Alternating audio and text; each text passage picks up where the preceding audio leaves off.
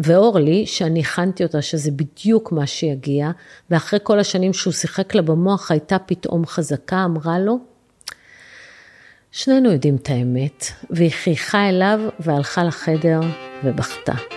זהו, תאכלו לה בהצלחה. ברוכים הבאים לסדרת השורטקסטים שהם בעצם סיפורים מהבלוג שכל כך אהבתם. זה התחיל כסיפור אהבה מטורף. אורלי הייתה הנסיכה היפה שגדלה במשפחה קשת יום, ורוני הקיבוצניק האשכנזי יפה התואר, מלח הארץ, כזה שהיא אפילו לא חלמה אי פעם שירצה אותה, והוא רצה. מאוד רצה וחיזר אחריה בטירוף, ותוך דקה התפתח סיפור אהבה מהסרטים שנתן לה דלק ותקווה להמשיך לחיות איתו 20 שנה, גם כשהיה רע לתפארת. רוני היה אשף המילים וידע לטוות עבורה את תמונת המציאות שהתאימה לו. וככה כל השנים הוא הבטיח לה שעוד שנייה הכל יסתדר, שתכף הם יחיו באושר ובאושר, ועד אז שתיתן לו לעבוד ותפסיק להתלונן ותטפל בתאומות ובבית. כשאורלי ראתה בטלפון שלו התכתבות עם חני, החברה הכי טובה שלה, עוד מהשכונה כשהם היו ילדות, היא הייתה בטוחה שהם מתכננים למסיבת הפתעה. אבל יום ההולדת שלה חלף, והם תכננו הפתעות מסוג אחר. חצי שנה אורלי עקבה אחרי התכתובת בין רוני לחני, וגם שאלה אותו מפעם לפעם, והוא הכחיש לחלוטין. לא רק הכחיש, גם כעס מאוד ואמר לה שהיא צריכה להתבייש בחשדות שלה. שהיא חולת נפש ופרנואידית, ושאם היא תמשיך ככה, הוא ידאג שהיא תאושפז. והיא האמינה לו. האופציה האחרת הייתה הרסנית מדי. הרסנית למשפחה שהייתה בשבילה הדבר הכי יקר, והרסנית לנפש שלה, שלא יכלה להכיל את הידיעה שהבעל שלה מנהל רומן לא פחות ולא יותר עם החברה הכי טובה שלה עוד מהילדות. בסוף, כדרכם של רומנים, הכל התפוצץ. אבי, הבעל של חני, בחור קשוח מאותה שכונה שבה הם גדלו, הוא גם קלט את התכתובת, וגם הוא זכה להכחשות גורפות ולסצנות היעלבות קשות, אבל אבי לא פראייר. הוא התקין לחני על האוטו מכשיר GPS, וכשהייתה במתחם חדרים לפי שעה ליד נתניה, הוא חיכה לה ליד האוטו שלה במשך שעתיים, וכשהם יצאו, הכל נגמר. הייתה סצנה קשה שהכל בה הוקלט. חני נשברה ובכתה, ורוני הכחיש ואמר שהם רק דיברו ולא היה כלום. ואז אבי הסתכל עליו ואמר לו את המשפט המיתולוגי שאורלי שמעה אחר כך בלופים בהקלטה שהוא שלח לה. חתיכת אפס. אם יש לך אומץ לזן את החברה הכי טובה של אשתך, תהיה גבר ותודה כשתופסים אותך עם הזין ביד. משפט חזק. למרות שאבי שלח לאורלי את ההקלטה בוואטסאפ מיד כשהאירוע הסתיים, ולמרות שהיא לא באמת הופתעה, כשרוני הגיע הביתה, הוא הכחיש הכל. הוא אמר לה כמה הוא אוהב אותה, וכמה חני רק רצתה לשפוך את הלב כי אבי מתעלל בה. הוא אמר לה, את מכירה אותו, את יודעת איזה ארס הוא.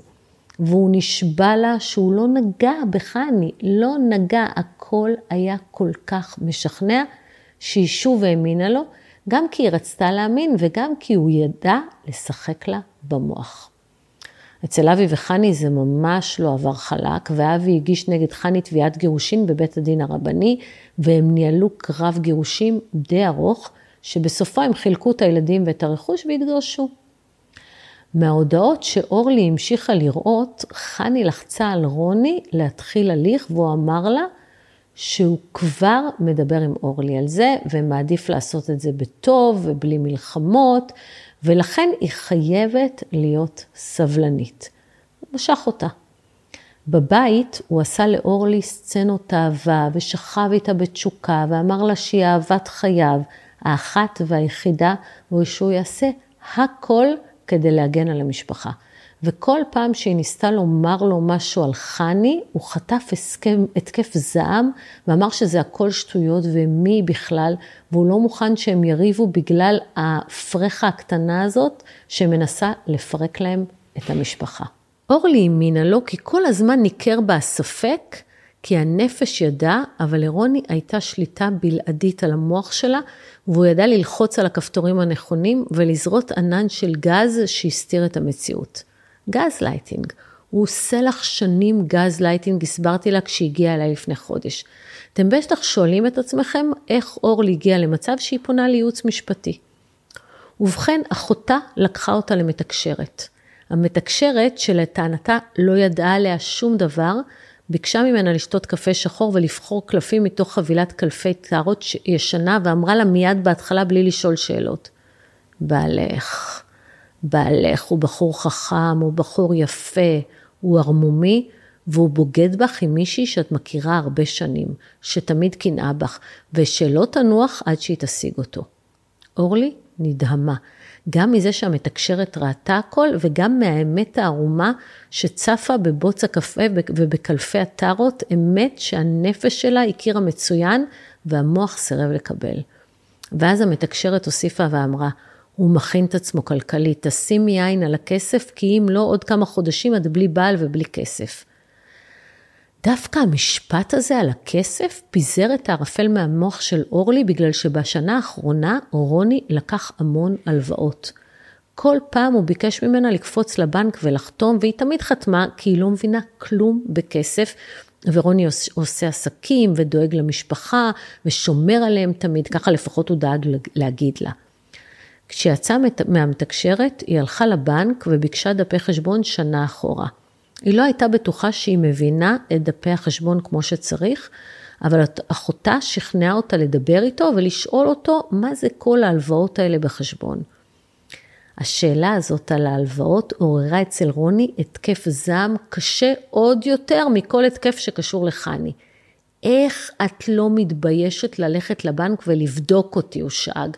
אני נותן את הנשמה לך ולילדות, עושה שמיניות באוויר בשביל שלא תרגישו שאני בחובות, שיש לי נושים, נותן לך חיים של מלכה, ובסוף את הולכת לבנק להוציא דפי חשבון?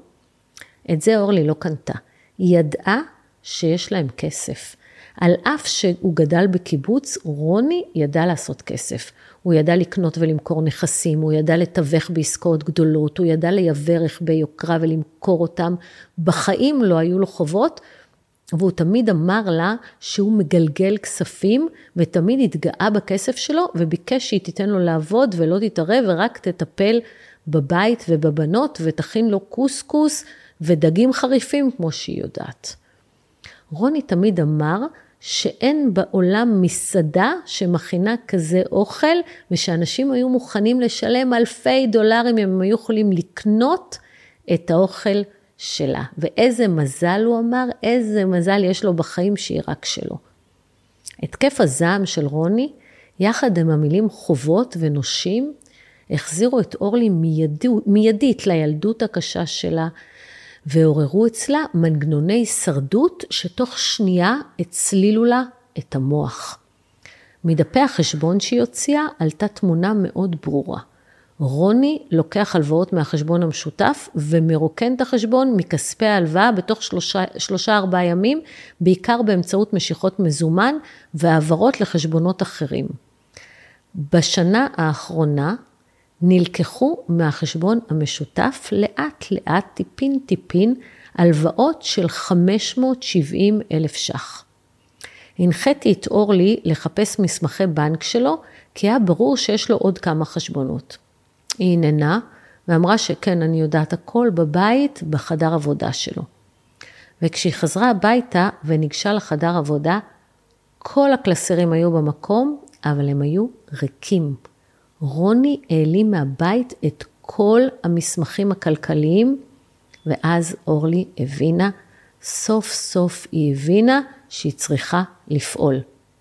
היא לא יכלה להוציא שקל מחשבון הבנק המשותף בלי שרוני יראה, והייתה צריכה להשיג כסף לממן את ההליך המשפטי, ואחותה המליצה לה לבקש דווקא מאבי, הגרוש של חני, הלוואה. הם הרי מכירים שנים, עוד מבית הספר בילדות. והוא הצליח יפה, והיא אמרה לה, הוא בטוח ישמח לעזור. ואורלי באמת התקשרה לאבי ודיברה איתו. הוא בהתחלה כעס עליה שהיא לא עזבה מיד, ואז אמר שהוא דווקא שמח שחני נשארה לבד אחרי הגירושים, ובסוף הוא שאל אותה, תגידי אורלי, כמה את צריכה? ואורלי אמרה שזה רק הלוואה, והבטיחה להחזיר לו כל שקל, והוא הבטיח לעזור. הוא סיפר לה שהוא יודע הרבה דברים על רוני, ושהוא בטוח שרוני מימן לחני את שכר הטרחה בגירושים, ועורך הדין שהוא שילם לו עשה לו את המוות. אבי הגיע עם אורלי לפגישה במשרד שלי ושילם עבורה את שכר הטרחה ואמר לנו כל מה שהוא יודע על העסקים של רוני, ובסוף הפגישה הוא לחץ לי את היד והוא אמר, קרמה איזה ביצ'ה. רוני קיבל השבוע בקשה ליישוב סכסוך, יחד עם צו עיכול, על כל החשבונות בנק שלו וכל הנכסים שלו, ובבית הוא אמר לאורלי שתיקח על המצפון שלה שהיא מפרקת את הבית ושהיא תצטרך לשלם איתו את כל החובות וצריך למכור את הבית כדי לכסות הכל, ושתיקח על המצפון שלה שהיא הורסת לבנות את, הבב... את החיים. ואורלי, שאני הכנתי אותה שזה בדיוק מה שיגיע, ואחרי כל השנים שהוא שיחק לה במוח הייתה פתאום חזקה, אמרה לו, שנינו יודעים את האמת, והיא חייכה אליו והלכה לחדר ובכתה. זהו, תאכלו לה בהצלחה. תודה שהאזנתם לשורטקאסט, אם מצאתם ערך או סתם היה לכם ממש מעניין, אני אשמח אם תעבירו אותו למישהו שיהנה ממנו גם. תודה.